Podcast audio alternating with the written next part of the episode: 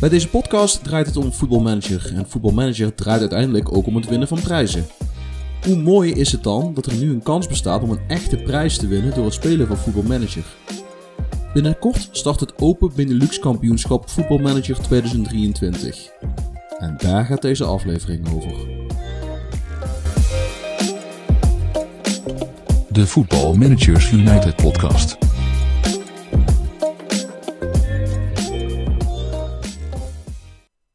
Hallo lieve luisteraars en welkom bij alweer een nieuwe aflevering van de Football Managers United podcast. Mijn naam is Guido en vandaag zijn Marcel, Kees en Berry, de Virgil van Dijk, Ibrahim Konaté en Trent Alexander-Arnold bij mijn Brian Mbuemo. Of Mbeumo. En volgens mij is het Mbuemo, maar het zal. Eh, hoe is het jongens? Ja, gaat prima. Zeker weten. Leuk om, uh, om een keer mee te kunnen praten zo met die FM podcast. Hartstikke leuk uh, dat, uh, dat ik daarvoor gevraagd ben. Zeg, we zijn we allemaal de feestdagen een beetje doorgekomen? Ja hoor, prima. ja, vooral heel veel schoonfamilie moet ik zeggen, maar we zitten er nog. Ah, kijk, dat, dat is het belangrijkste. Ja, hier hetzelfde. Een paar kilo zwaarder dan voor de feestdagen, maar die komen er, dit, gaat er hopelijk ooit, ooit alweer een keer van af. Hopelijk. Ja, ze zijn nat. Gelukkig is er geen beeld bij deze podcast. Dat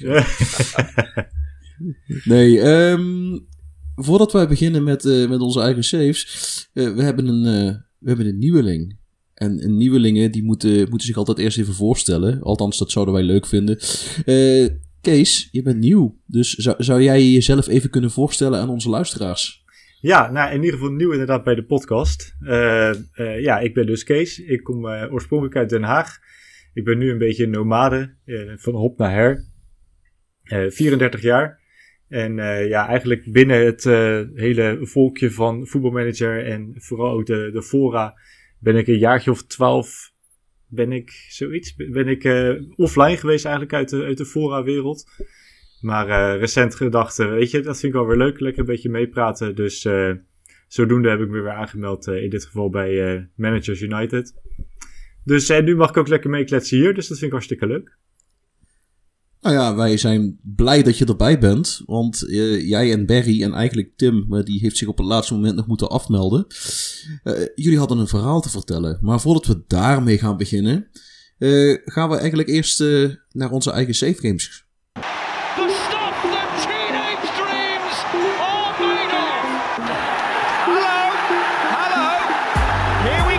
Onze eigen saves. En ik begin, begin even bij Barry in dit geval. Uh, Barry, wat kun jij ons vertellen over jouw eigen save game? Ik uh, zit nog altijd bij Eupen. Ik zit nu in december van het derde seizoen, wat voor mij toch al best wel een record is. Van de laatste vijf, zes edities, denk ik. Het eerste seizoen verrassende titel gepakt. Eigenlijk niet verwacht. Um, drie wedstrijden voor het einde had ik een best leuke voorsprong. Maar dat uh, ging weg als sneeuw voor de zon.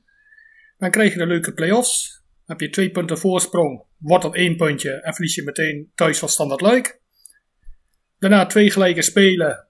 En dan denk je van, nou ja, dagtitel, het is gebeurd. Maar Luik liet ook punten liggen. Op het veld van Luik speel ik in de slotfase nog met een gelukje gelijk door een eigen doelpunt. Waardoor de gaten nog bij elkaar bleef staan. Vervolgens win ik van Genk, uh, verliest Luik van Antwerpen. En op de laatste wedstrijd stond ik nog een puntje achter. En in de tweede minuut uh, kwam het uh, goede nieuws al door dat Genk voorstond tegen Standard Luik. En uiteindelijk liep ik uit naar een 4-0 voorsprong in Antwerpen. Wat nog wel 4-3 werd, maar dat maakte niet meer uit. Genk won met 2-0, waardoor Eupen voor het eerst kampioen is geworden. En, als, en ook nog de beker, dus het was meteen een goed seizoen. Dan heeft er toch nog iemand iets gehad aan die gekke Belgische uh, kampioenschapsplayoffs. Maar ja, uiteindelijk was het, uh, was het een. Uh, het blijft een raar fenomeen. Maar ja. ik moet zeggen, van, voor mij was het wel ideaal. En, en toen, want dan ga je Europa in. hoe, hoe ging dat verder? Nou, ik heb eerst mij redelijk kunnen versterken. Maar dat is af en toe nog best een uitdaging als je een voorzitter uit Qatar hebt Die dan gewoon eh, leuke transfers eh, blokkeert omdat je niet eh, spelers uit Qatar haalt. Uiteindelijk heb ik er eentje gehaald. Een speler, ja, in ieder geval een speler met de nationaliteit van Qatar. Speelde in Marokko. Dan kan er, kon er eigenlijk helemaal niks van en is in de winter ook meteen weer verhuurd. Maar het hielp niet om spelers te kunnen aan te trekken, want hij bleef maar zeggen dat ik weinig spelers uit Qatar haalde. Dus een aantal leuke transfers werden geblokkeerd. Eh, uiteindelijk heb ik toch eh, op de, een van de laatste dagen van de transfer deadline eh, Jason van Duiven kunnen huren. Wat dan de nieuwe aanvalsleider moest worden. Willem zal blij met je zijn. Die, die is zeg maar de of- on- onofficiële voorzitter van de Jason van Duiven fanclub. Hoe, hoe deed hij bij jou, onze Jason? Hij begon vrij stroef. Op een gegeven moment heb ik ook de 18-jarige Keita uit eigen jeugd zelfs eerste spits gemaakt, omdat hij gewoon niet scoorde. Op een gegeven moment had ik in de auto naar jullie lopen luisteren en toen hoorde ik dat je talenten vooral eens wat eh, meer dan één wedstrijd de kans moest geven. Dus ik heb eh, Van Duiven weer terug de basis ingezet. En na de winter begon hij toch redelijk goed te scoren. Ik geloof dat hij 17, 18 doelpunten heeft gemaakt. Dus dat deed hij op zich eh, prima. Kijk, verder had ik nog. Ik wilde zeggen, heeft hij toch een heel netjes, heel net seizoen gedraaid zo.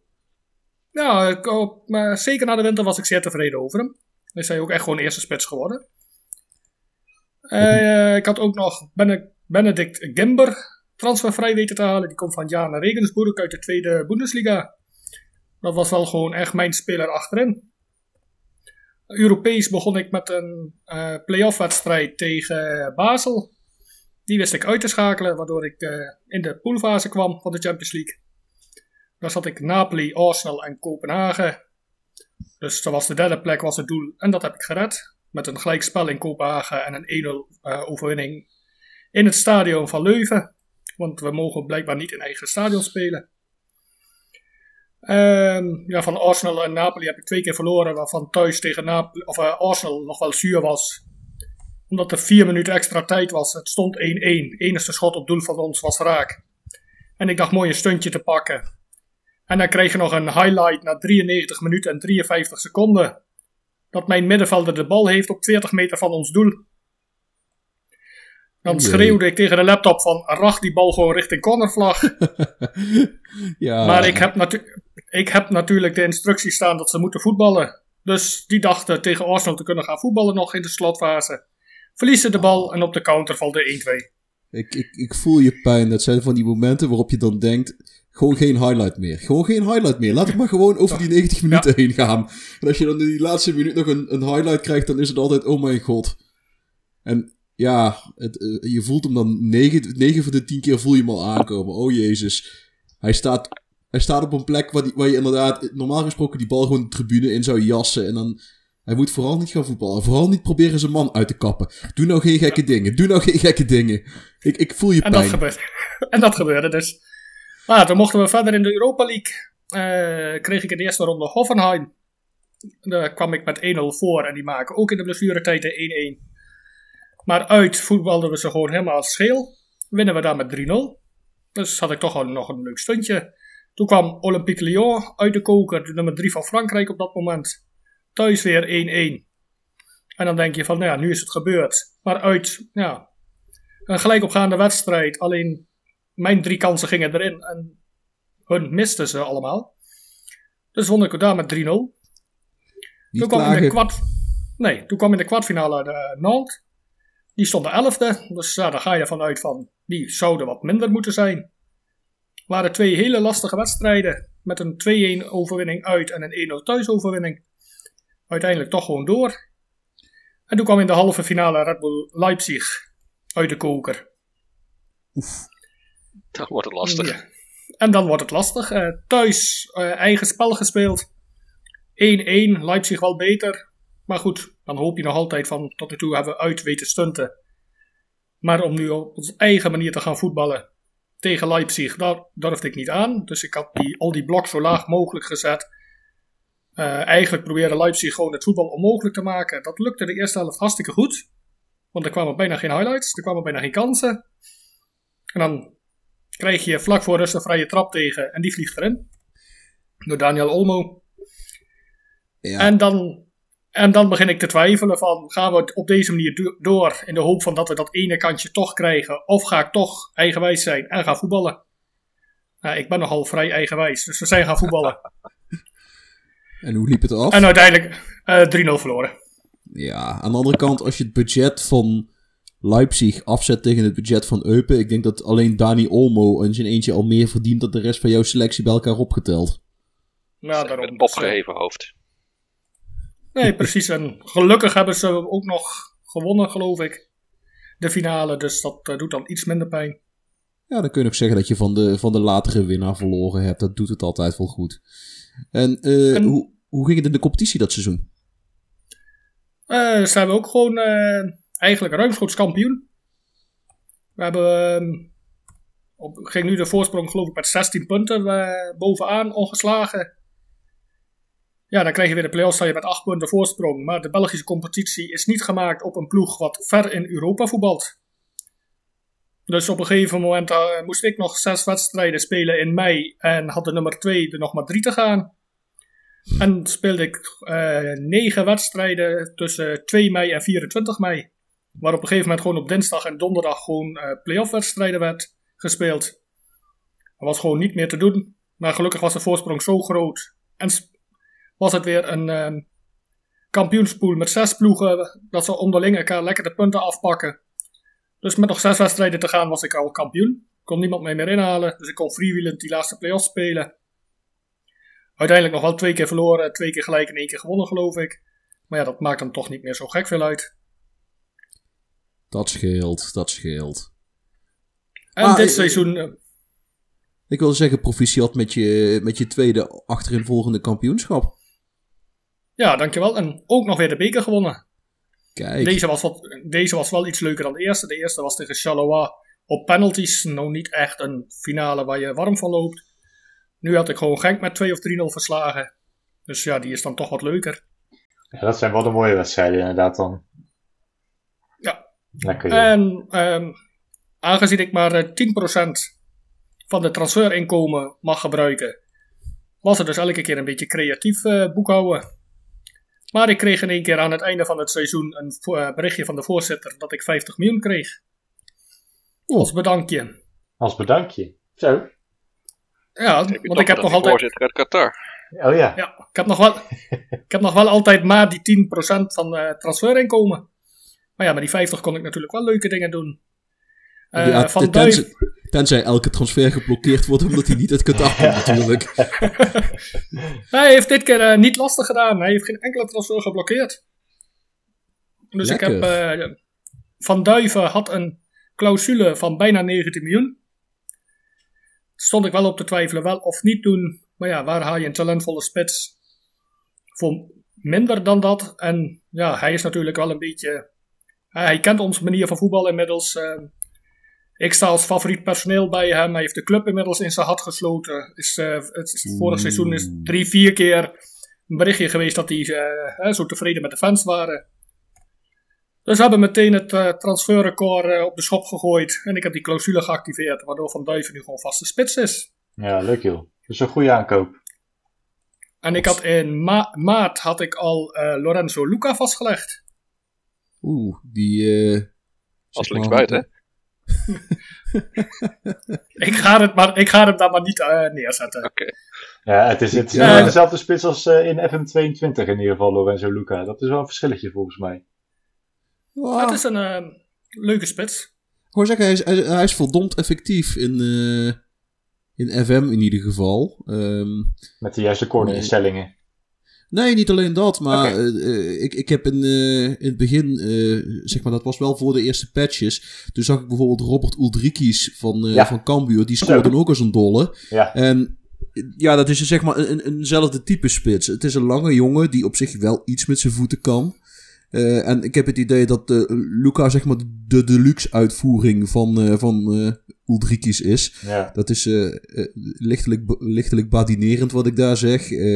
Ik doe daarmee waarschijnlijk allebei de spelers tekort. Maar nou ja, het, het mogen duidelijk zijn. Nee, dat herken ik wel, want ik had Henk Veerman lopen. En die scoorde er ook gewoon 25 in een seizoen. Dus Oh ja, dat, is, dat is inderdaad waarschijnlijk dat de lange spitsen het inderdaad wel lekker hebben gedaan in de, voordat inderdaad die eerste patch kwam, ja. Ah, Ik heb één seizoentje met Fortuna gespeeld in de Eredivisie. En ik geloof dat Henk Veerman in twee wedstrijden vier keer tegen me gescoord heeft. Ja, Gewoon omdat het, omdat het mij niet lukte om hem af te stoppen. Ja. En dan had ik met Good en Sio vast, had ik nog twee vrij lange en kopsterke verdedigers. Mhm. Dat lukte gewoon niet. Nee. En het, het- ik heb het idee dat Luca, als je hem daadwerkelijk zou opstellen, het ook bij Ajax goed zou doen. Je moet alleen iemand vinden die een voorzet geeft. Nou ja, dat is het probleem, want ze spelen allemaal met inside forwards of met inverted wingers. Dus die voorzetten komen er niet zoveel. Ja, precies. Eh, nou, plus het feit dat het eh, zeker bij die Amsterdamse club nogal egootjes zijn voorin. Eh, dus je moet ze ook eens leren dat ze de bal naar een, iemand met een iemand van de eigen ploeg mogen spelen. Nee, Ja. Paulus is er niet, dus ik denk neem heel even zijn nou. rol over. Ik dacht, dan hoor ik nou een echo van Paul daar in de verte. dat ben jij.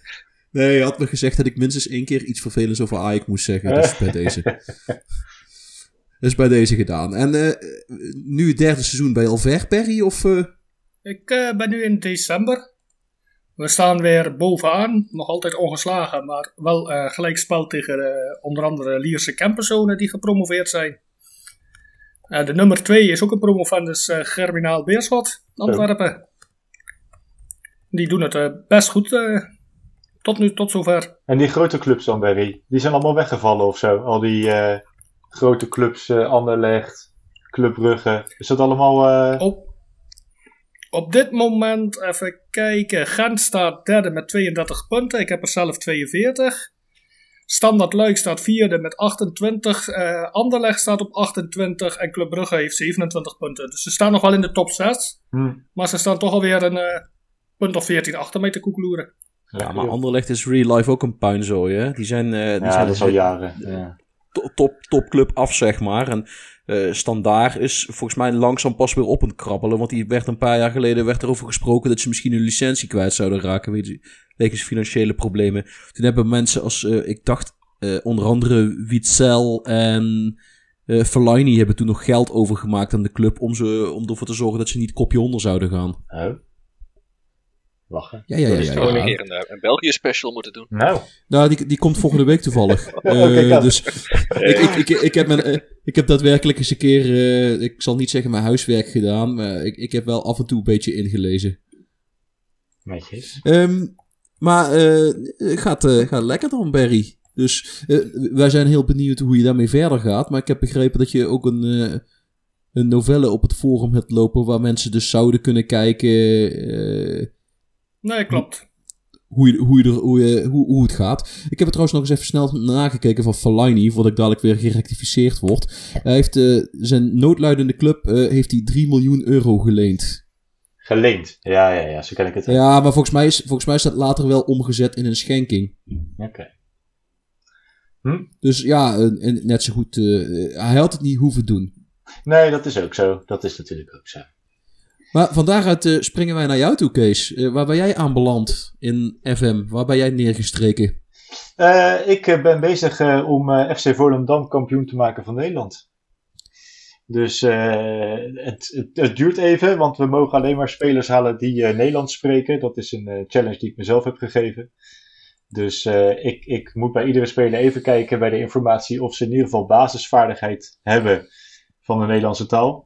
En eh, op die manier proberen we kampioen te worden. En we zitten nu, eh, ik ben nu zelf in de zomer van 2027 uit mijn hoofd. Dus het eh, vijfde seizoen heb ik net gespeeld. En we gaan richting het zesde seizoen. Ehm, en dat gaat eigenlijk best wel lekker. Dus ik, ja, ik, ik moest heel even kijken hoe, tot hoever ik ben op de, op de YouTube. Want anders ga ik natuurlijk dingen vertellen die nog moeten komen. Ehm, maar in ieder geval gaat het nu eh, in de Europa League eh, heb ik helemaal niets verloren in de groepsfase. Dus eh, dat was natuurlijk wel hartstikke lekker, alleen al financieel. En het is nu wel een beetje, ja, brood met water. Want er is gewoon echt helemaal niks. Qua, qua, qua financiën, want we zitten nog steeds in dat kleine krasstadion. Met 6800 mensen. Dus ja, dat is niet echt eh, heel erg lekker financieel. Dus we wachten even, maar er komt een nieuw stadion aan. Daar zijn ze mee bezig. Er kunnen er 18.000 mensen in. En dan kan er wel echt wat. Dan kunnen we eindelijk eh, grote contracten uit gaan delen, dat soort dingen. Dus, eh, maar goed, we, we, we schuren tegen de top 3 aan. Dat is een beetje waar we nu zitten. Dus ja, Netjes. En heb je dan nog Ja. grote Nederlandse talenten onder contract staan? Of is het vooral de afdankertjes van de topclubs? het zijn tot nu toe de afdankertjes. Eh, we moeten het een beetje doen met eh, de spelers die inderdaad eh, in het tweede elftal niet verder komen dan het tweede elftal. Dus denk aan een Sontje Hansen van Ajax. Wie hebben nog meer lopen? Als bekende spelers. Sam Beukema van AZ. Peter Viendaal, de doelman van AZ. Dat is niet echt talenten, maar wel hè. Eh, Fijn betrouwbare spelers. zeer betrouwbare spelers. Die, eh, die dan niet spelen bij inderdaad eh, eh, AZ, Ajax, PSV. Alleen van PSV komt niet zo heel erg veel. Ja, Van Duiven, maar die, die, die is niet betaalbaar. Eh Babadi, maar die is ook niet betaalbaar. Dus ja, ik moet het echt doen met de spelers. Bakayoko, ja, die is al weg. Die, die speelt nu ergens in België. Dus eh, ja, dat, eh, dat wordt lastig dan. ja, dus het, het is echt een beetje eh, ja, slim boekhouden. We ook wel een beetje hopen dat je dan een speler kan huren. Dus eh, denk aan de Mike Klein van, eh, van Feyenoord gehuurd. Ehm, en eens een afgelopen... balletje opgooien bij Bounida van Ajax. Rayane Bounida. Ja, nou... Ik snap, ik snap wat je zegt. Alleen, eh, ik wil wel een beetje fysieke krachten in het veld hebben. ja, nee, dat heeft hij niet. Nee. Nee, oké. Ik, ik hij is je klein punt. en hij eh, ik denk dat hij eh, krachten op 2 of 3 heeft of zo. Dus nou, dat, dat, dat schiet niet op. Ik heb nu wel eh Nassi Unuvar heb ik nu eh, rondlopen. Eh, wel als huurspeler. Oh, is- nog nog als een, huurspeler. eh, Ik hoop dat als ik hem nog een jaartje kan huren, dat ik hem dan kan betalen. Maar goed, ik zit nu in de transferperiode. Misschien dat hij opeens wel eh, beschikbaar komt. Dat, eh, dat eh, gaan we meemaken. Maar is dat in is toch wel geval echt wel echt een echt goede voetballer. Ja, dat is een hele goede voetballer. Maar goed, ja, dat, dat, van dat, dat, ja, dat kaliber spelers die dan bij Ajax spelen niet verder komen dan het B-team, daar moet ik het nu van hebben. Eh, en ik denk dat dat ook wel zo blijft, aangezien we alleen maar Nederlandstalige spelers mogen halen. Maar dat maakt het ook wel goed. weer leuk. Maar eh, dan kun je bij Ajax net zo goed gewoon het hele tweede opkopen. Want die kopen toch alleen maar jongens van buitenaf aan. De eigen Ja. jeugd krijgt daar wat minder kansen. Dat is niet haten naar Ajax toe, eh, maar... Nee, maar in voetbalmanager is dat inderdaad echt zo. Daar, daar krijgen jeugdspelers bijna geen kansen. Dus al die jeugdspelers komen op een gegeven moment wel beschikbaar. Alleen ja, dan moet je dus een andere grote eh, Engelse club voor zijn. Eh, Ja, je, hebt, ja, je hebt herstelwerk, omdat hun ontwikkeling toch een beetje stilgestaan heeft. Ja. Ze, moeten echt, ze moeten echt gaan spelen. ja, En op een gegeven moment eh, wordt het voor jou dan ook, denk ik, tricky. Want stel je voor dat je dan dadelijk in Europa actief bent. Dan kun je het je eigenlijk niet meer permitteren om dat soort jongens speeltijd te gaan geven. Om ze op te poetsen. Nee, klopt. Dus ik moet het nu doen met een Sydney van Hooydonk in de spits. Eh, als targetman, omdat eh, Henk Veerman is inmiddels lekker met pensioen. Die is nu assistent-trainer van, de, van het B-team in Volendam. Eh, maar dan, ja, ik wilde wel in hetzelfde systeem blijven voetballen. Dus dan kom je bij Sydney van Hooydonk uit. Ja, zie mij maar lek. Ja, op Die zich door redelijk hoor. voorzitter geblokkeerd. Wat zeg je? Ik zeg, die werd door mijn voorzitter geblokkeerd. Van Hooydonk? In het tweede seizoen. Ja, Ah, nou, ik moet zeggen, eh, ik denk dat je met Jason van Duiven zit je beter hoor. ja Dus, uiteindelijk eh, wel. Ja, kijk, het is, het is een hele leuke fysieke splits. Eh, en op zich, af en toe geeft hij ook echt hele leuke assists. Maar over het algemeen is het natuurlijk niet echt de spits waarmee je in de Europa League eh, hoge ogen gaat gooien. Dus we moeten toch vooral hebben van de creatievelingen. Conan Endry, daar, daar speel je ook mee hè, Barry? Ja, klopt. Die Ja. eh, heb ik nog steeds. Ja, ja die- ik, ik heb hem geprobeerd te lozen, maar niemand wil hem. Want ik heb Patrick Wullemar kunnen krijgen. Maar ja, dat is, dat is ook wel, ja, wel een, een leuke creatieve spelers. En die scoren ook de meeste doelpunten. En Van Hooydonk heeft vooral een rol van terugvallen naar, de, naar het middenveld om daar de bal op te vangen en eh, door te pasen. Dus dat doet hij hartstikke goed. Eh, maar Hinderlijk in de weg lopen. ja, precies. Echt wel lekker een beetje. Ook bij de corners, daar, daar doet hij wel veel doelpunten maken. En voor de rest eh, ga ik nu wel deze zomer proberen om te kijken of we echt een, een snelle spits kunnen gaan vinden. Gewoon echt een advanced forward in plaats van een target forward. Ben benieuwd. Kijken of het financieel wat mogelijk is. Hè? Een, eh, een Koen special halen. wat is een Koen Special? Moet ik even uitleggen. Oh nee, eh, o- of zeg maar co-host van eh, met name de eerste twee seizoenen Koen. Die had een, eh, een grote voorkeur voor hele snelle aanvallers. Die hoeven Ja. verder niks te kunnen. Ze moesten gewoon heel erg snel zijn. Met het, met het idee, die komen altijd wel eh, eh, een aantal keren één op één. Ook als hij over de bal valt. hij struikelt de bal vanzelf wel een keer het doel in. Ja, en eh, de- vaak waren dat jongens met prachtige Afrikaanse namen. Die dan de halve wedstrijd onzichtbaar waren. En dan ineens dan toch weer vier man eruit rennen. En die bal dan. Ja, hij zei of, die- of die bal ging snoeihard het zijnet in. Of stijf de kruising in. Maar. Er gebeurde wel iets. Ja, precies. Ja, ja, ja. Nou, in, in lower league management is dat inderdaad hartstikke leuk. Maar ik, ik probeer natuurlijk wel eh, echt, echt een, ja, een Jason van Duiven of zo. Ik, ik weet dat Koen het ook gewoon echt in de Champions League gedaan Oh, heeft. Dus het- Ja? je, je, je, komt, je komt er een heel eind mee. Oké, nou ja, oké. Ja, dus nee, het het is echt een hele leuke save game. Dus eh, ja, als je, als je het nog niet volgt, doe dat vooral. Nummer Dus ik- ik 14 heb op ook- YouTube. Precies, ik heb begrepen dat jij inderdaad vooral op YouTube je bezighoudt met, eh, met je save game. Dus daar kunnen we Kees volgen. En ik zal... eh, ah, weet je wat joh, ik, ik, we kijken Fabian straks een keer lief aan. En we zetten in de show notes zetten we een linkje naar de novelle van Barry en naar het YouTube kanaal van Kees. Dan eh, kunnen mensen in de show notes klikken en dan kunnen ze kijken waar jullie mee bezig zijn. Hartstikke kijken, we even, kijken we Marcel even lief aan. Jij, jij bent nog steeds bezig van, van laag naar hoog te werken. Eh, in welk vaag absoluut. land ben je nu aanbeland? Vaagland. Ik zat net de selectie van het Nederlands elftal door te nemen. Om te kijken of ik nog eh, adviezen had voor wat van die talenten die op late leeftijd tot bloei komen. Oh. En heren, ik kan jullie Skye Vink nog eh, aanbevelen. Ja, van Ajax? Ja, die is in deze game in 2030 naar PSV vertrokken. En vanaf toen eigenlijk pas in de eredivisie gaan spelen. En is nu 32 en heeft er 8 interlands op zitten. acht interlands Oh, dan pas. Dat is wel weinig. Ja, een beetje concurrentie gekregen natuurlijk in de loop van de jaren. Ja. Dan wil, dan wil, ik, eh, wil ik Devin Haan nog wel even aanhalen. die, die, die, kwam ik, die kwam ik net tegen in mijn, eh, in mijn Millwall save. Is hij bij Leicester City neergestreken. Dus die speelt gewoon in de Premier League. Eh, Ja. en Niet eens onverdienstelijk. Daar heb ik ook naar zitten kijken. Dat, eh, dat is ook wel een interessante speler. Dus dat is, dat is zeker wel een optie. Snel. Eh Nederlandstalig natuurlijk. Hij speelt bij de Graafschap nog. Dus hij is nog redelijk betaalbaar. Dus dat is wel een speler die ook op mijn scoutingslijstje staat. Maar thanks. Ja. Goeie. Aan de andere kant, voor, voor zover je mensen uit de Achterhoek Nederlandstalig wil. Sorry, en we Marcel. gaan door naar de save game van Guido. ja, Sorry Marcel, het moest even. Even een gebbetje. lul. Weet ik. Eh, ik probeer het Nederlandstalig te houden hier. Ehm, God, in welk vaagland was ik beland de laatste keer? In Bermuda volgens mij, bij de Devonshire Cougars. Ja, precies. Da- Daar hebben we nog hele Ja. flauwe grapjes gemaakt over eh, oudere vrouwen. Nou, een jaar later zat ik eh, trouwens echt tijdens de kerstdagen bij Christmas. Oh, ik dacht bij in Cougars. Kiribati. nee, Oh, was maar zo. ja. Ehm, Ja, dat weet je niet. ik zal proberen het niveau hoog te houden. Het gaat gelijk mis als ik aan het woord kom. Och, och, En we hebben al zo'n lage verwachtingen.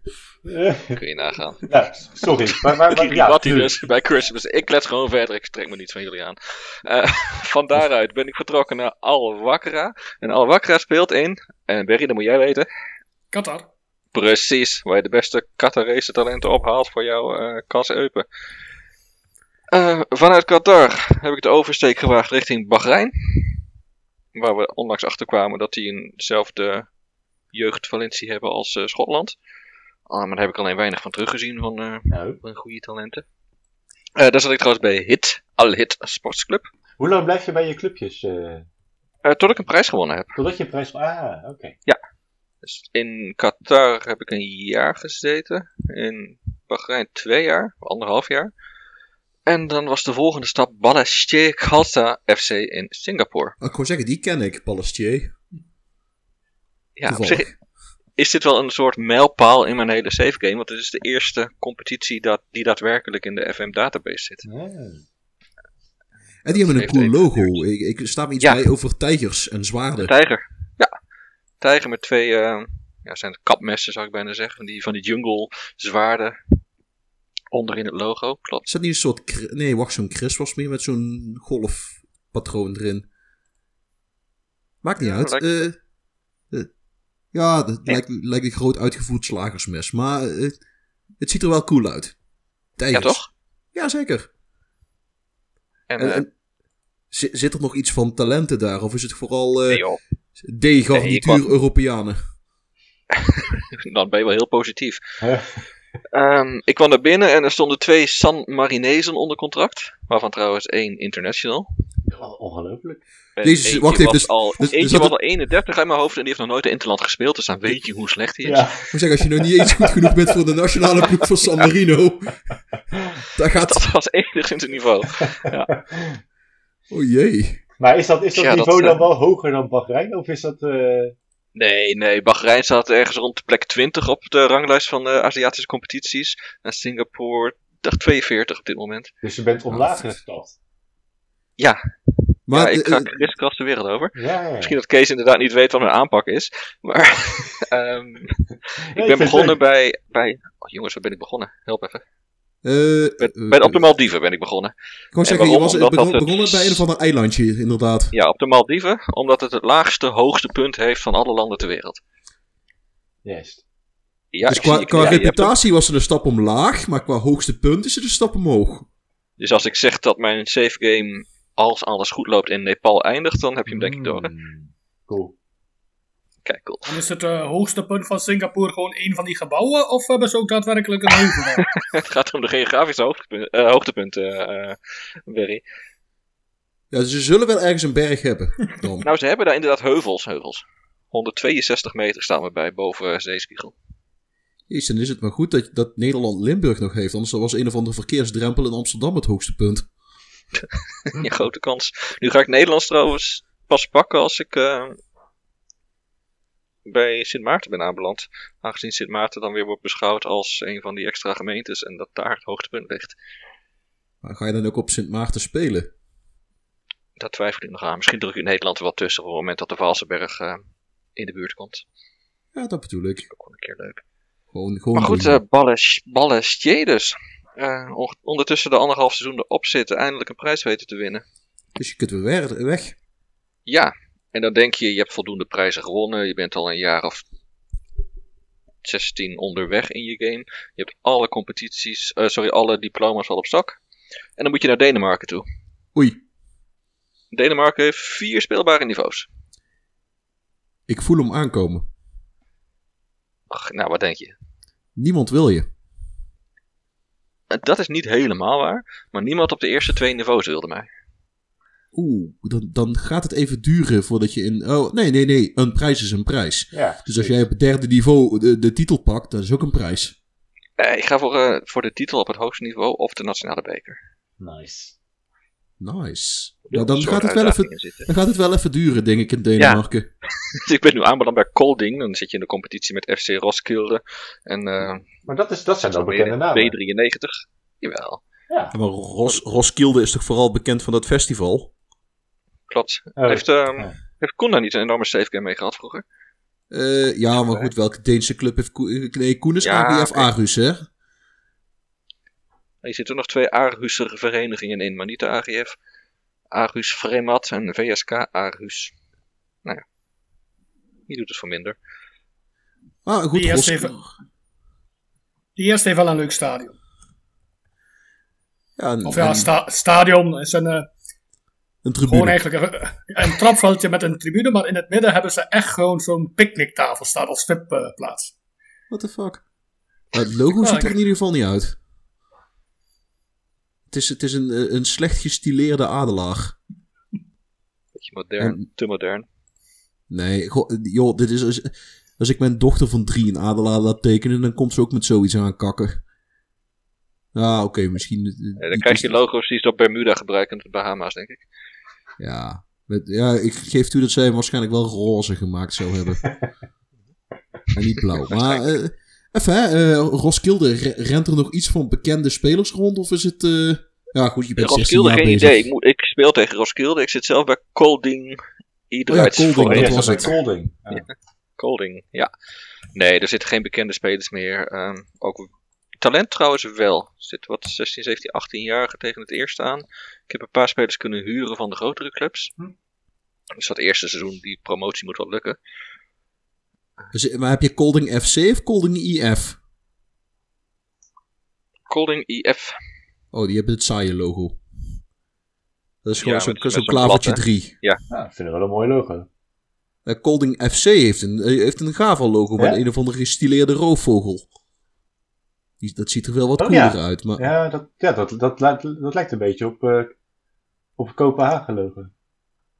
Nou, kijk, dus. Maar even. ehm Colding dus. Nou ja, hopelijk eh, duurt het geen tien jaar voordat je weer verder kan. Nee. Wel eh, ondertussen Midtjylland uitgeschakeld in de beker. Hoppa. Dat vond ik nog wel een leuk. het, het sprookje gaat beginnen, jongens. Het sprookje gaat nu beginnen. wordt, nu wordt het moeilijk. Aarhus. Het, dan nog, wij hebben vertrouwen in jou. Jij kunt stunten. Jij Over kunt stunten gesproken, Guido. Hoe gaat het bij Millwall? Eh, nou, ik geloof dat ik iets van mm, 2,5 seizoen gespeeld heb in de, in de feestdagen. Ehm zegt ook iets over hoe leuk dat ik mijn schoonfamilie vind. Nee, nee, dat is onzin. Eh, het idee is er om net zo lang bij Millwall te blijven plakken tot Millwall de grootste club van Londen is. En ik ben onderweg. Ehm, ik heb al het grootste stadion van Londen. Eh, dat is inmiddels het eh, Neil Harris Park met eh 66.000 plaatsen. Eh, ik heb al eh, de meeste Carabao Cups gewonnen. Eh, ik heb nu acht landstitels en ik moet er dus nog eh, zes winnen om Arsenal in te halen. Ik heb negen FA Cups en ik moet er ook nog zes winnen om Arsenal in te halen. Dus ja, ik blijf nog minstens zes seizoenen plakken. Ehm, daarnaast was het idee wel dat ik een echt een Engelse kern, een Britse kern aan wil houden. Dat ik niet een, een team wil hebben met eh 25 buitenlanders. Mhm. Dat zou ik gewoon niet tof vinden. Want dat is ook niet waar de club Millwall voor staat. Eh, dat, dat lukt ook vrij aardig, want van de 25 selectiespelers hebben er geloof ik 18 ook een Engels paspoort. Of een, of een Schots paspoort.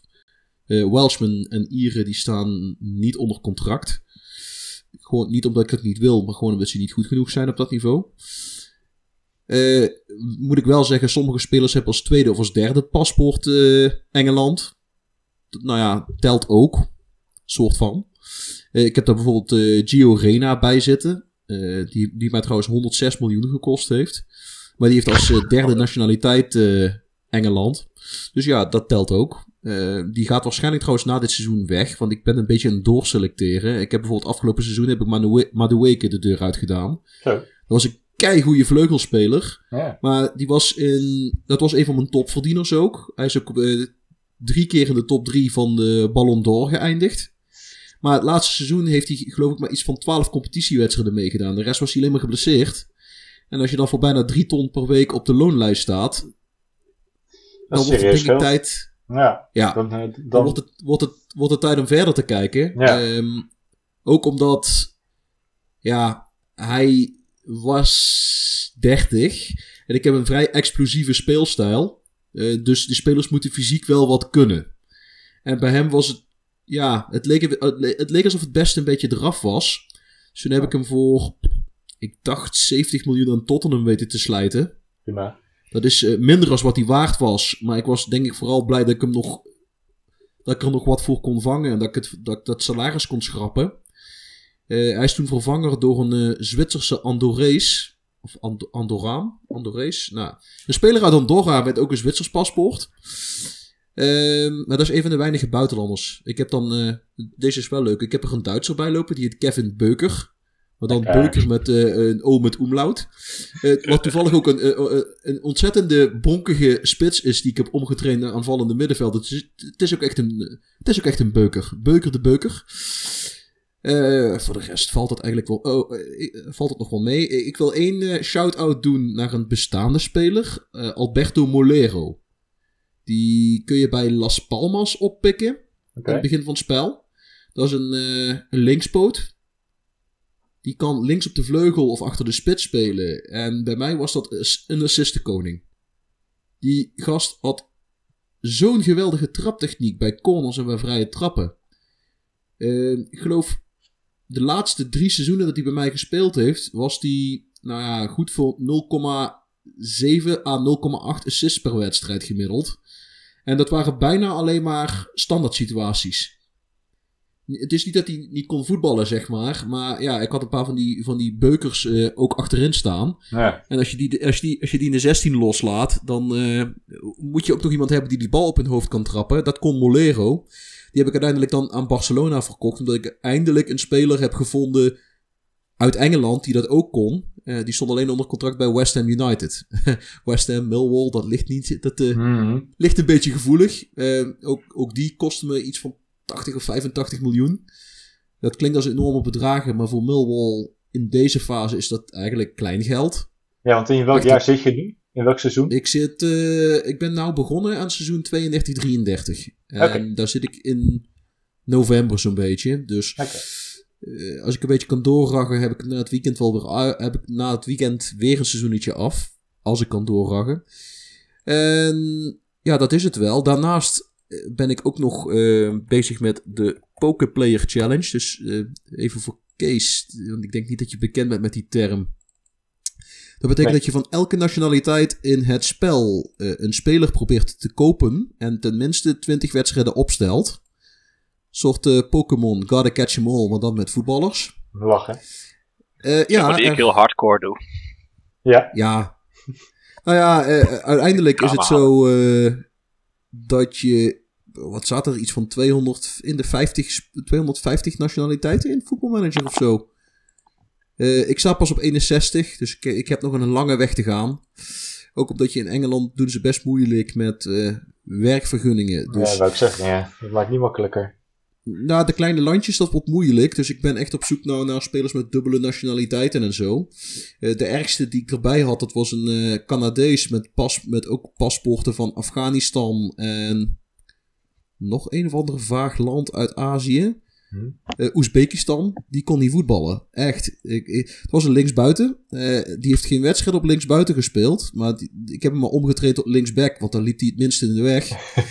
Eh Kamr- Kamron Habibullah. Ehm, maar hij heeft wel, eh, hij heeft wel twee keer gescoord voor mij. Eh, eh, toevallig ook nog twee keer tegen Ajax. Dus dat vond ik dan wel weer grappig. Eén keer in de Europese Supercup, waar hij 10 minuten voor tijd mocht invallen en iemand de bal tegen zijn hoofd schoot.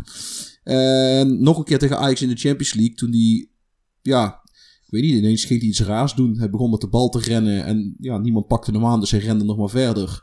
En niemand pakte hem aan, toen dacht hij van een meter of dertig, laat ik maar eens een keer schieten. En toen knalde hij gewoon de bal de kruising in. Ik heb Maar je gaat nu-.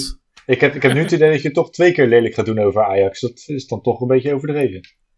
Hoezo? Dit is gewoon iets wat gebeurd is. Het is, het is niet mijn schuld dat Feyenoord nooit in de, nooit in de Champions League speelt. Anders had ik het bij Feyenoord ook gedaan. Daar doe ik niet moeilijk over. Lach joh. Maar Eh. toen had je in ieder geval speler met drie nationaliteiten. Dus toen kon je er weer drie afschrijven.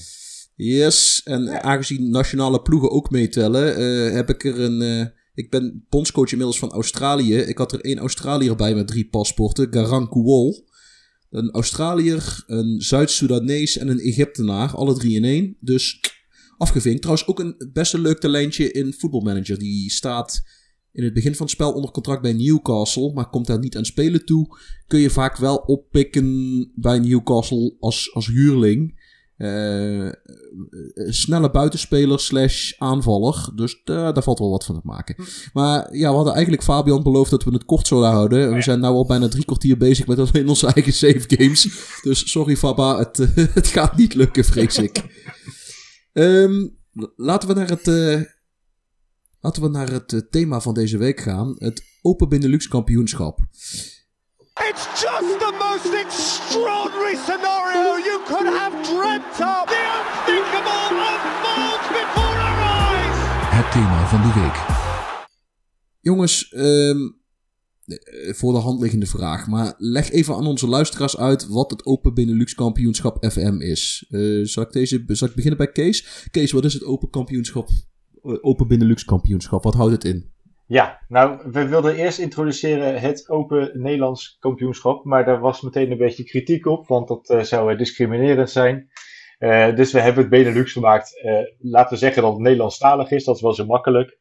Ehm, ja, het is eigenlijk een kampioenschap waarin, waar iedereen zich kan inschrijven.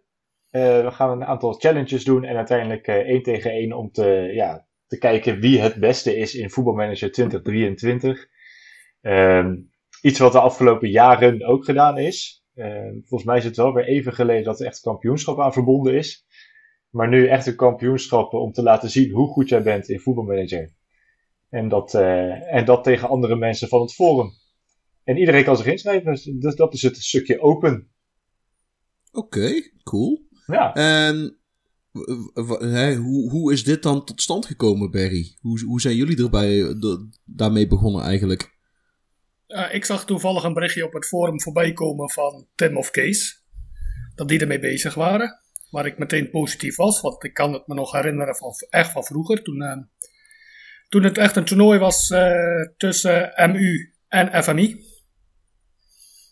En daar heb ik altijd met plezier aan meegedaan. Dus toen als ik eh, zag dat hun, Tim en Kees het wouden op gaan pakken. Had ik aangegeven hè, dat ik echt wel mee wou doen en dat ik het leuk vond. En toen vroeg Kees of ik ook mee wou sparren met de gedachtegang. En zo ben ik ook eh, erbij ingerold. Oké, cool. Ehm, ja, goed. Ik, denk dat, dat we daarmee ook de vraag beantwoord hebben van waar- waarom hebben jullie het weer teruggebracht? Want dat, dat eh, Kees, dat had iets te maken met inderdaad, want Barry haalde dat ook al aan met hoe jij je aanmeldde, toch? Ja, nou, ik had me dus inderdaad weer aangemeld bij het forum, omdat ik dat ook gewoon weer lachen vond. En ehm, toen was er, volgens mij was Tim het, die zei van, hé, hey, maar ik, ik ken jouw naam nog wel, want dat was dan Fiore Kees, dat is, was vroeger mijn, eh, mijn forumnaam. Die herkende die nog wel van de tijd dat we een NK hadden en dat we in Rotterdam eh, bij de Blaak, daar zat zo'n eh, gamekamer. En, nee, bij de beurs trouwens, niet bij Blaak, bij de, bij de beurs. Ehm, en daar was, ja, was een hele grote gamekamer, die was helemaal afgehuurd. En daar werd dan het voetbalmanager eh, kampioenschap gedaan. En volgens mij is dat 2008. Als, nou, dan moet je me even vergeven hoor, als dat niet helemaal klopt. Maar volgens mij is het dusdanig lang geleden in ieder geval dat ik daaraan meegedaan heb. En eh, dus ik dacht, nou, gebeurt dat nog steeds eigenlijk? Eh, zijn er nog mensen die dat doen? En eh, ja, toen waren een aantal mensen die zeiden van, nee, volgens mij niet. Volgens mij is dat weer even geleden. En toen was het een beetje van, eh, eerst voor de lol, ah, lachen, laten we dat weer terughalen. En toen eh, had Tim mij inderdaad even toegevoegd aan een, eh, aan een pb'tje, persoonlijk bericht. Voor joh, moeten we dat gewoon even leven in gaan blazen? Zullen we daar gewoon eens even wat tijd in gaan steken? Dus zodoende. Kijk. En nu en zitten we hier. Nu zitten jullie hier hoor. Krijgen jullie de kans om nog een beetje te pluggen? Want was er gelijk al eh, veel animo toen jullie het idee eh, lanceerden? Ja, eigenlijk wel. Eh, we hebben meteen even gewoon een, eh, ehm, een dingetje aangemaakt, hoe noem je dat? Een, een onderwerp support. aangemaakt, ja. Gewoon om te vragen voor jongens wie zou dat leuk vinden om überhaupt mee te doen, maar ook misschien om mee te denken.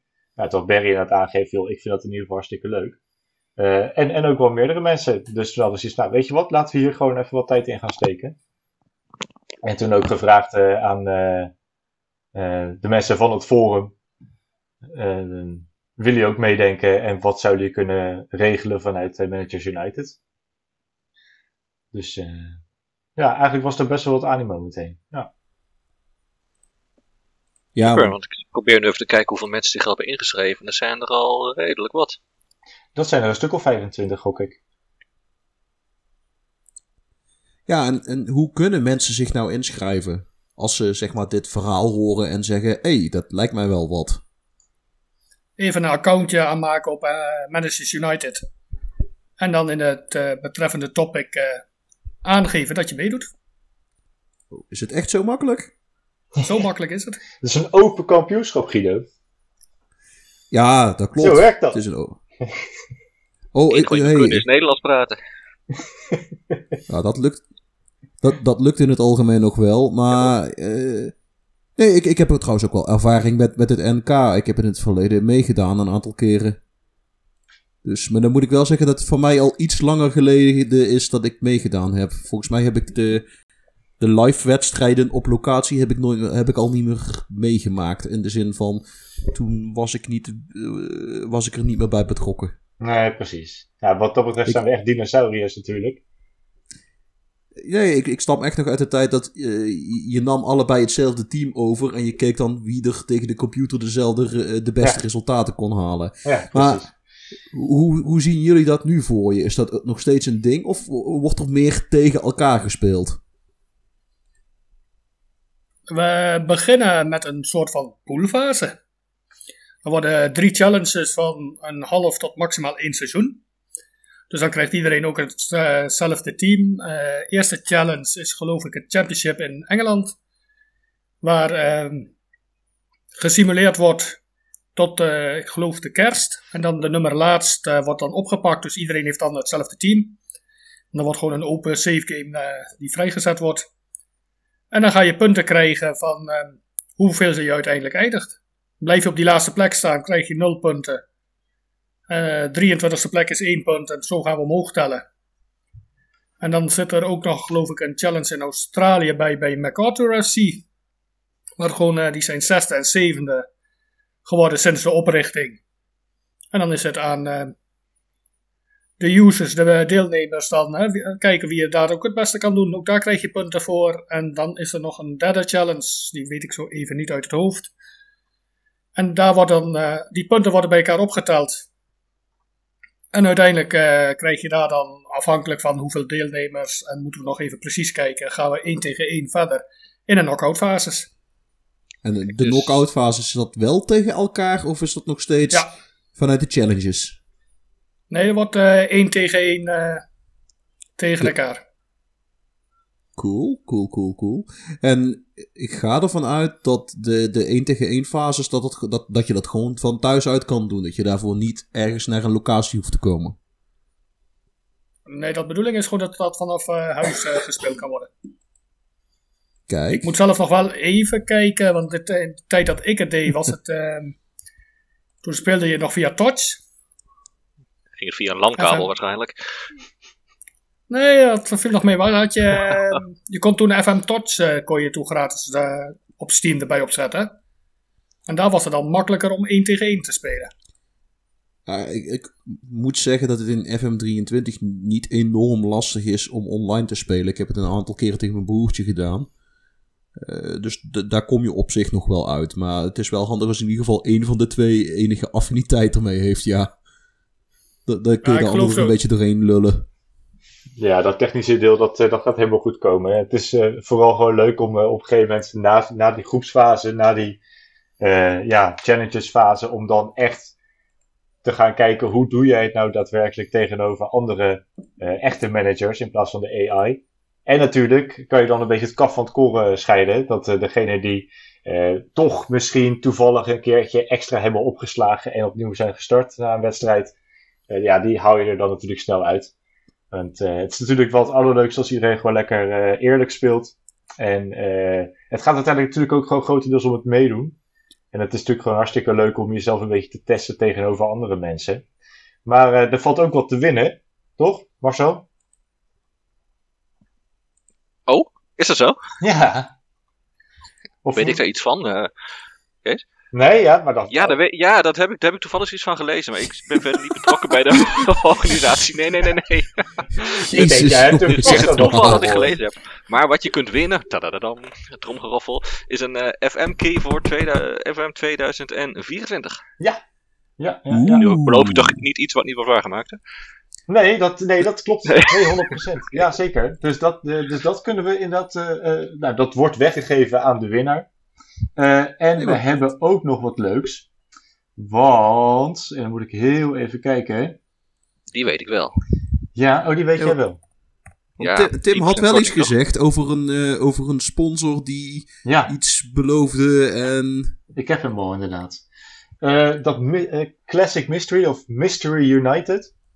Dat is een, een, een aanbieder van shirtjes. En ik heb even op de website gekeken. Ze bieden ook uh, voetbalreizen aan en weet ik wat allemaal. Uh, en daar krijg je dan, als je eerste wordt, ook een Classic Mystery Box van Mystery United. En we hebben een 10% discount van 11 januari tot 11 februari voor iedereen die dit hoort. En dan moet je alleen even gebruik maken van de code MANUTD, oftewel Man United. Managers United, de afkorting, zoals ook de website is.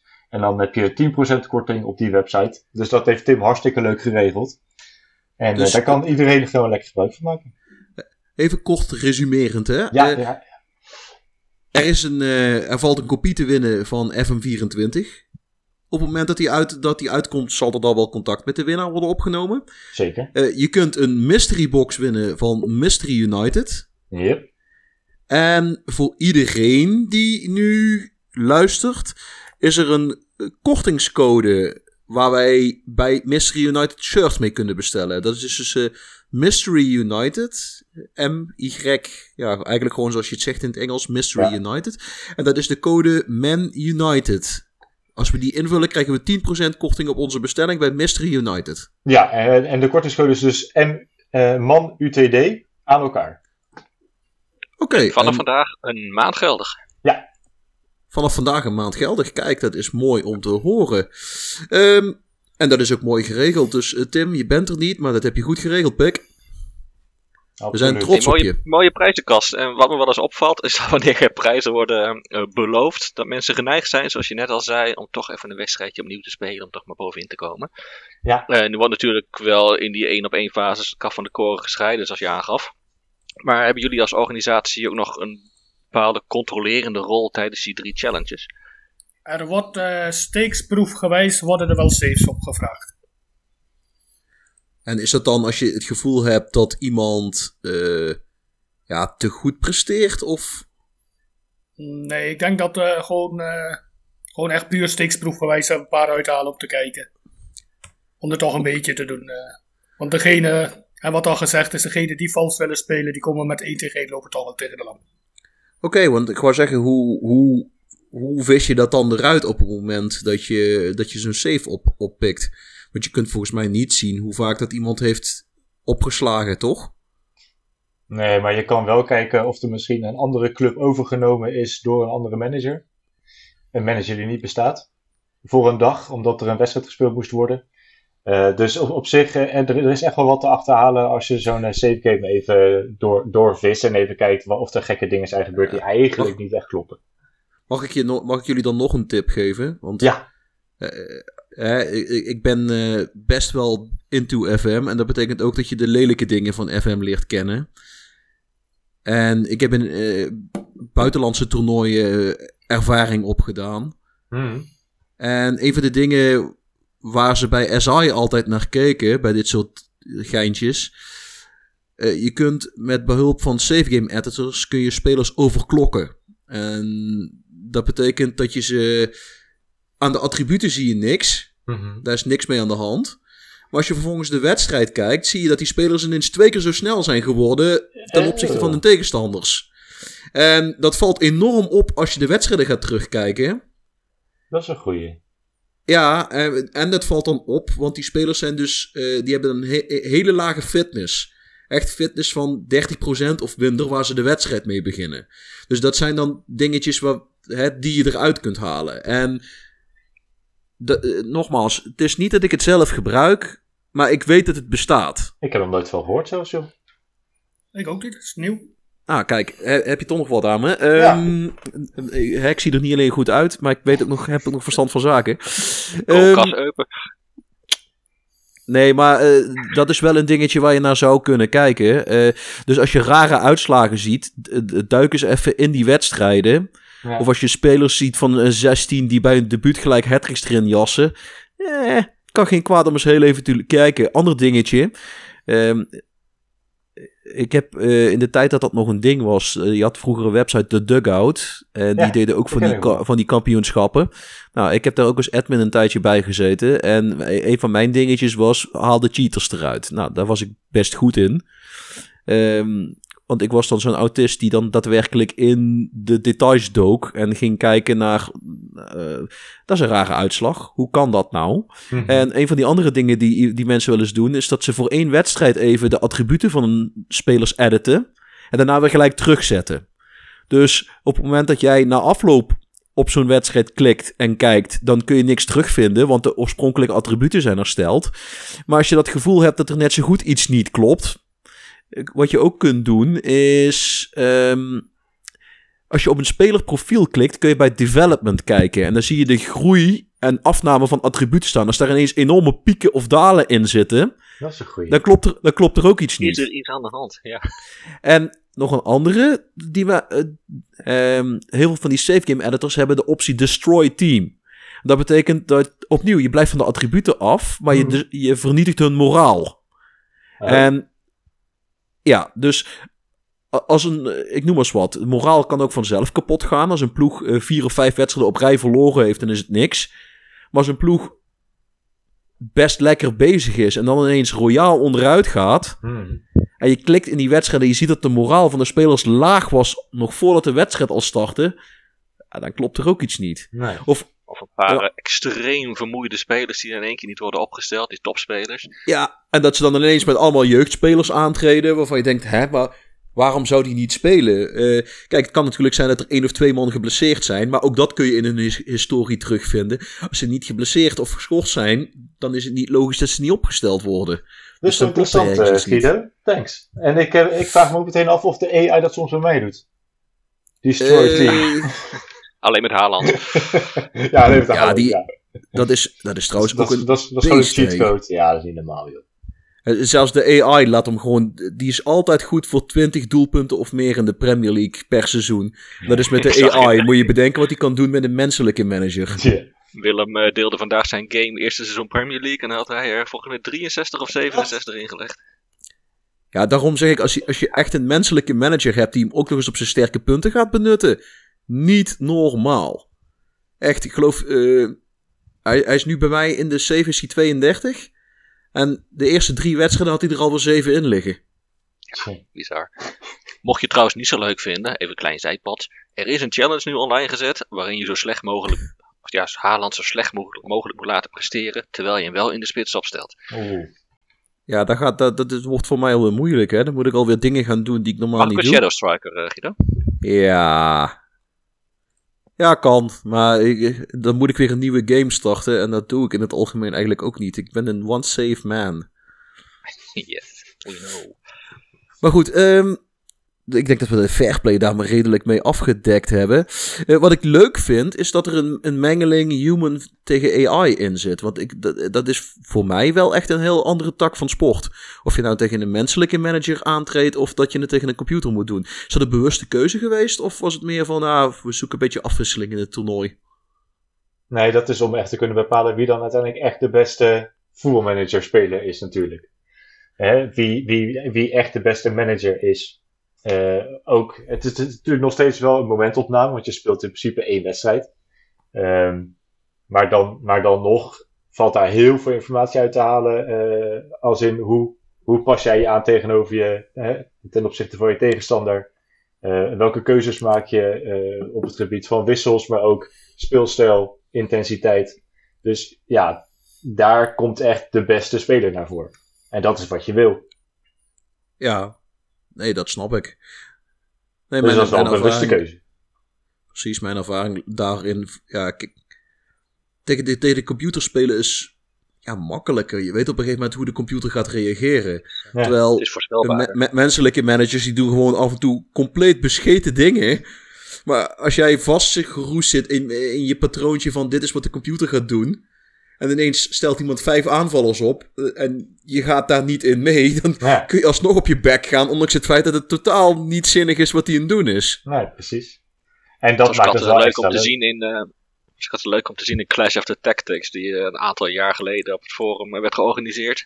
De meest bizarre tactieken tegen elkaar, die tegen de AI in principe fijn werken. Maar zodra je die twee tegen elkaar laat spelen, komen de meest bizarre uitslagen naar voren.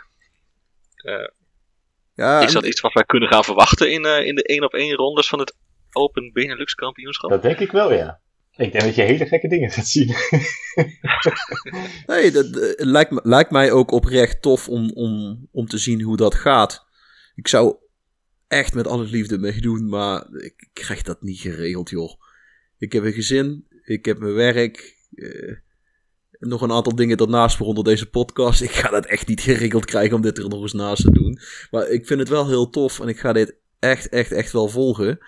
Eh, en als jullie Zeker. nog een expert nodig hebben om eens te kijken van... hey, volgens mij klopt er iets niet in deze save. eh, la- laat je oog er eens overheen gaan. Dan wil ik daar ook nog wel eh, mijn, mijn diensten ter beschikking stellen. nou, top. Die, eh, die En onthouden iedereen we. die nu luistert, iedereen die nu luistert en denkt, zal ik meedoen of niet? Jullie hoorden het net, Guido doet niet mee, er is kans op een overwinning. Ah. Hey, Als jullie zo beginnen, dan geef ik gewoon één of twee mensen mijn strikerless tactiek en dan kijken we eens even hoe dat gaat aflopen. Is goed, doe ik lekker strikerles mee. Ja, goed, maar dan, eh, je, je, hebt, eh, je had een of ander strikerless gedrocht gemaakt waar je 80% balbezit mee haalde, maar geen doelpunten mee scoorde. Dus ook, Dat was ook dus, de bedoeling. Het was 96% balbezit. Nou ja, ik, ik ben heel benieuwd of je, Ja, hoe, ver je daarmee komt in een, eh, in een één op eentje. Laatste 10 minuten dichtgooien. Ja, dat kan op zich nog wel lukken. Eh, zo voorafgaand aan het toernooi, hebben jullie al eh, eventuele favorieten op het oog, Barry? Of heb je zoiets van, nou, we zien het wel? Nee, ik ben er eigenlijk wel eens zeer benieuwd. eh. Ik denk toch dat eh, ja, vooral degene die zich eh, met de raarste tactieken eh, bezighouden. Als ik af en toe wel voorbij zie komen op het forum en in novels. Dan gaat echt tegen mijn logica in, wat gewoon niet logisch eruit ziet. Maar het werkt vaak wel. Dus bij deze, ik geef mijzelf weinig kans. Ik doe zelf wel mee, maar ik probeer altijd een beetje logisch te voetballen. Dus ik denk dat ik eh, gigantisch afgestraft ga worden dan tegen die dingen. Maar nee, ik durf even niet te zeggen van wie wel of geen eh, favoriet is. Eh, ik ben zeer benieuwd. Ah, Hou, hou er rekening mee dat tegen een computer spelen niet hetzelfde is als tegen een menselijke tegenstander spelen. Zoals, zeker als jij de zaak zeg maar kapot wil analyseren, dan ga je juist tegen menselijke tegenstanders op je bek, want die reageren niet voorspelbaar. Eh, heeft een van jullie toevallig ooit FM Live gespeeld in de tijd dat dat nog bestond? Ik heb nooit iets. 1 op 1 gespeeld. Ja, dat draaide alleen maar om tegen menselijke tegenstanders spelen. En dat, daar ging het er juist om, over hoe goed kun jij reageren in de wedstrijd op wat er gebeurt. Of zelfs anticiperen. Ik denk dat mijn menselijke tegenstander dit gaat doen. En soms gebeurden dat dingen, daar rekende je gewoon niet op. Ik heb, ik heb ooit een keer gespeeld tegen een gast, die stond met 3-0 achter. En ineens gooide hij zijn twee centrumverdedigers de spits in. En ging hij gewoon lange ballen pompen. En als je dan toevallig, nou, een match engine hebt zoals deze Ja. dan, dan werkt het ook nog. Dan Dan werkt het ook. Ja, precies. Ja. Ja. Nee, maar, Maar ik dat, heb dat het in het. een van die Nee, ga maar. Ik heb het in een van die oude, oudere versies eh, met zo'n NK heb ik een keer tegen Christian eh, 93 eh, moeten spelen in de poolfase. En dat was ook gewoon 1 tegen 1. En dat was een team met alleen maar werkloze voetballers. Dus eigenlijk die er heel weinig van konden. En die ging als linksachter zetten hij een speler die als rechts buiten was, maar super snel was en de dingen. Ja, en die eh, jongen die tikte mij helemaal schil. Dat ik ook zoiets had van, ja, ja, van hè, het is een rechtsbuiten. Dus ik had hem gewoon als rechtsbuiten staan. En dan zie ik hem in één keer bij hem als linksachter staan. Ja, Ja. totaal niet logisch. Maar ja, het werkte in, dat, eh, in die wedstrijd wel. Ja, dat geloof ik. Maar ik kan me daar ook bij voorstellen dat, eh, zeg maar, zeker als je bijvoorbeeld met een inverted wingback speelt, waarvan we weten dat de computer die jongens niet oppakt als ze met de bal gaan rennen. En je hebt dan gewoon een gast die gewoon rete snel is. Ja, het enige wat hij moet doen is op snelheid zien te komen. En eh, dan krijg je een beetje uh, roodrunner toestanden. Miep, miep. en het werkt. Ja. En, en als, je- als, je, als je dan Cameron Habibullah hebt, dan schiet hij hem van 30 meter de kruising in. Even kijken. eh, dat, volgens mij zijn we daarmee min of meer door het script heen. Eh, heren, willen jullie. Wacht, ik ga het zo zeggen. Eh, deze aflevering was natuurlijk ook mede bedoeld voor jullie om reclame te maken voor het NK, voor het OPK. Waarom zouden mensen mee moeten doen aan het OPK? Ja, volgens mij is het heel simpel, wel. toch? het, is, het is één, het is het mooiste spel wat er bestaat. Eh, twee, je kan je testen tegen andere echte managers, echte menselijke managers, waar je normaal gesproken alleen maar tegen de AI speelt. En je kan nog winnen ook. Je kan een voetbalmanager 2024 kopie kan je winnen en je kan een eh, Classic Mystery Box winnen. Dus volgens mij is er geen enkele reden, Guido, om te zeggen ik doe niet mee. Eh, ik schat dat eh, mijn sociale leven en mijn thuisfront daar toch een andere mening over hebben. Mijn werk trouwens ook. Dus eh, Ja, maar het zijn allemaal korte challenges, hè, Guido? Als ik jou zo hoor, Ja. ben je daar in een avondje doorheen. nou, eh, maar ik heb ook nog maar andere dingen daarnaast. Dus eh, ik, ik, ga, ik ga, laat er maar voor voorbij gaan. Sorry jongens. Nee, ja, Maar, ik, leuk voor geen de sorry rest. te zeggen, maar inderdaad, eh, voor de rest Ik van de, beschouw het van als de een goede reden luisteraars. om wel mee te doen. Ja, dat ook nog inderdaad. En voor de rest van de luisteraars, ja, dit is, eh, het is natuurlijk gewoon tof om jezelf te testen tegen andere lijkt mij. Dus eh, schroom niet en probeer het gewoon. Meld je aan. En dat kan dus inderdaad op het forum van Managers United. Ja, je kunt er vaak nog eh, hele leuke mensen leren kennen. Ook Niet onbelangrijk, de sociale component. Ook. Zeker, Er zijn- voor je het weet zit je in een podcast. Bijvoorbeeld. Maar er zijn, er zijn serieus gasten, die ken ik dankzij dit spelletje al meer dan 20 jaar. En daar heb ik nog steeds contact mee. Ik ben één keer op een bruiloft geweest van mensen die zich op een, eh, een meeting van, van voetbalmanager hebben leren kennen. Het was toen wel nog championship manager, maar ma- maakt niet uit. Was de, de zus van een van die gasten waar we waren, is toen eh, is uiteindelijk getrouwd met een van die andere jongens die daarbij was. Die hebben zich daar leren kennen. Nou, dat, het, het kan. Bedankt voor de tip. Dus jij gaat gewoon al die meetings af. Heb jij een zus? Heb jij een zus? Heb jij een zus? Is ze lekker? Exact. Eh, ik, ik kan. Ik heb wel nog een broertje. Ik heb wel nog een broer voor je, een broertje voor je in aanbieding. Kan. Wil je een serieuze reactie? Nee. Maar het kan. Het kan. Nee, eh, van daaruit gaan wij eh, naar het, nou, het laatste onderdeel van onze podcast. Club, speler en boek van de week.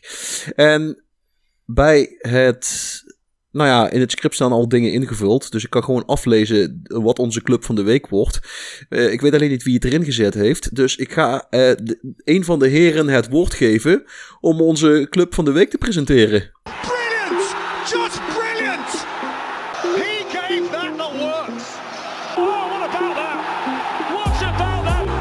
Club van de week.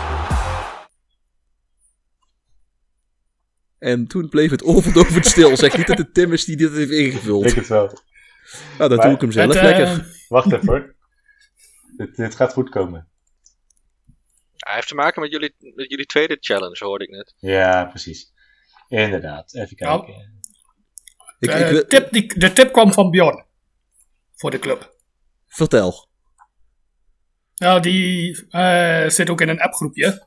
Waar ook eh, Tim en Kees in zit. Mhm. En die kwam, die kwam met, deze, met deze club. En welke club is het? Laten we daar eens mee beginnen. Het is eh MacArthur FC. En ik weet dat ze uit Die Australië spelen- komen. Ik moet heel even dan ook... Ja, ik, eh, ik, ik heb even de informatie erbij gezocht. Het, is inderdaad, het gaat om eh, MacArthur FC, FC. En dat is inderdaad een club uit Australië.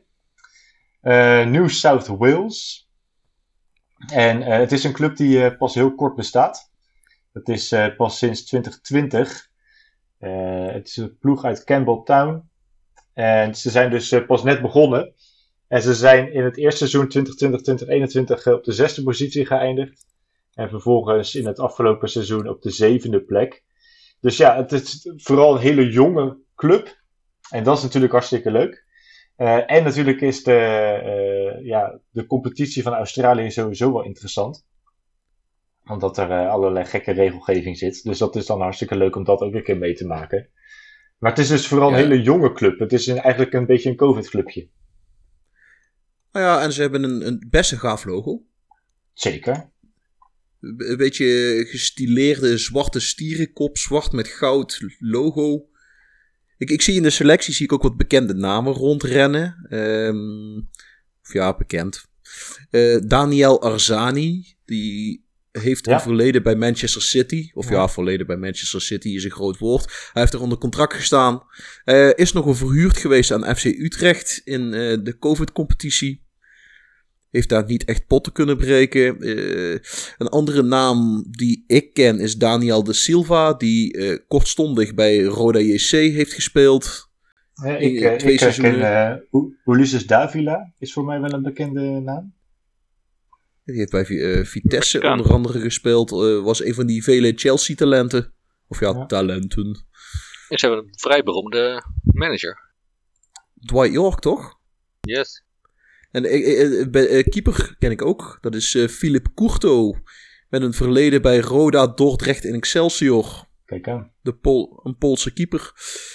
Eh MacArthur FC. Eh, eh, maar wat, eh, wat Kees zei, de Australische A-League is op zich ook nog best een geinige competitie om in neer te strijken. Ehm, ze hebben er een wage cap, vergelijkbaar met wat ze in de MLS ook hebben. Alleen iets minder rare regeltjes met spelers die je mag inschrijven. Eh, de hoeven, de- ze doen daar wat minder moeilijk met allerlei contracten. Je hebt wel designated players die buiten de sa- eh, salariscap vallen. En daar kunnen dan hele leuke eh, of interessante Europese spelers bij zitten. In het verleden was hebben bijvoorbeeld spelers als Alessandro Del Piero, William Gallas, Dwight York, Keske Hon- Honda, Shinji Ono, David Villa hebben daar onder andere rondgerend. Maar ook een hoop Nederlanders. Ja, maar die waren geen designated player, toch? Ik denk dat je sowieso designated player bent als je, als je vanuit het buitenland komt, of niet? Nee, nee, nee, nee. nee, Nee, dat, oh, zeker dat is niet per se. Ah, oké. Dat- Nee, het moet vooral goed zijn. En veel willen verdienen. Ja, precies. Maar ik, ik kijk eventjes nu. In de huidige competitie zitten geen... Even kijken, je mag vijf buitenlandse spelers opstellen. Nou, dat was het dan misschien. Eh, ik, ik ben nou gewoon even in, de, in, in spieken wat ze hier hebben staan. Eh, er, speelt één Neder, er speelt wel één Nederlander. Bij Melbourne City staat Richard van der Venne onder contract. Wie kent hem niet van eh, FC Os en Go Ahead Eagles? Legendarische en, speler.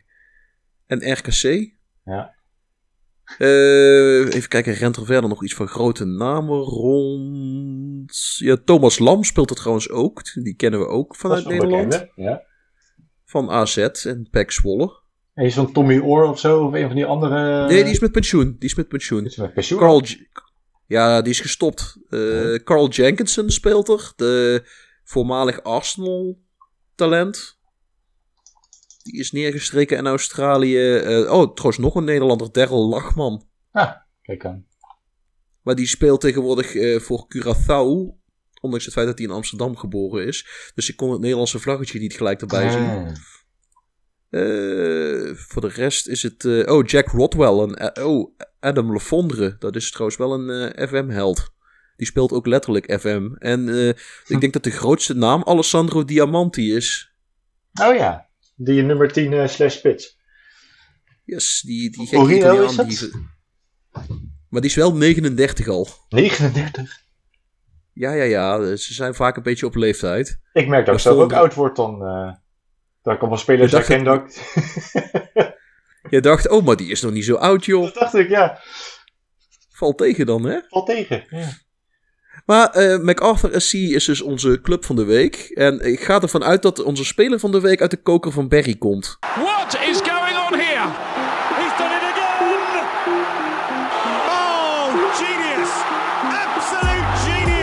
De speler van de week. Dat klopt. Dat is, Tobias, Tobias Gulliksen. Is een, enen- ja, bij mij is hij inmiddels 21 jaar en no- komt uit Noorwegen. Speelt eh, in het begin van het spel bij Stromsgodset. Eh, ik heb hem in seizoen 2 naar Eupen weten te halen. Eh, hij is voornamelijk goed op de linkerflank als inverted winger of inside forward. Maar wat ik zo mooi aan hem vind, is dat hij ook prima als Messala kan voetballen, centraal op het middenveld. Het valt mij mee dat je hem in seizoen 2 überhaupt nog hebt kunnen halen. Want meestal gaat hij al gewoon in het eerste seizoen naar een grote club. Dus dan heb je Ja, überhaupt was, al eh, gemazzeld. Hij eh, speelde nog in Noorwegen, dus eh, Maar bij de start van het spel is hij 18. En voor een 18-jarige heeft hij een behoorlijk compleet profiel. En ja, ik ben het ermee eens wat, eh, wat Barry zegt. Dit, dit is, dit is echt wel een van de grote, grote standaardtalenten in het spel. Hoeveel is hij nu waard bij jou, eh Barry? eh, tussen de 16 en 18,5 miljoen. Oké. En dat heeft ermee te maken dat hij een rele- release clause van 18,5 miljoen heeft. Ja, precies. Ja. Niet gek. Dan, maar hij doet het, eh, hij doet het eh, goed. In zijn eerste seizoen eh 11, wedstrij- of 11 treffers, 10 doelpunten in 29 wedstrijden. Dit seizoen staat hij op 2-2 na 11 wedstrijden, dus eigenlijk iets minder. Maar dat komt er eigenlijk meer dat eigenlijk mijn hele voorhoede wel fatsoenlijk weet te scoren.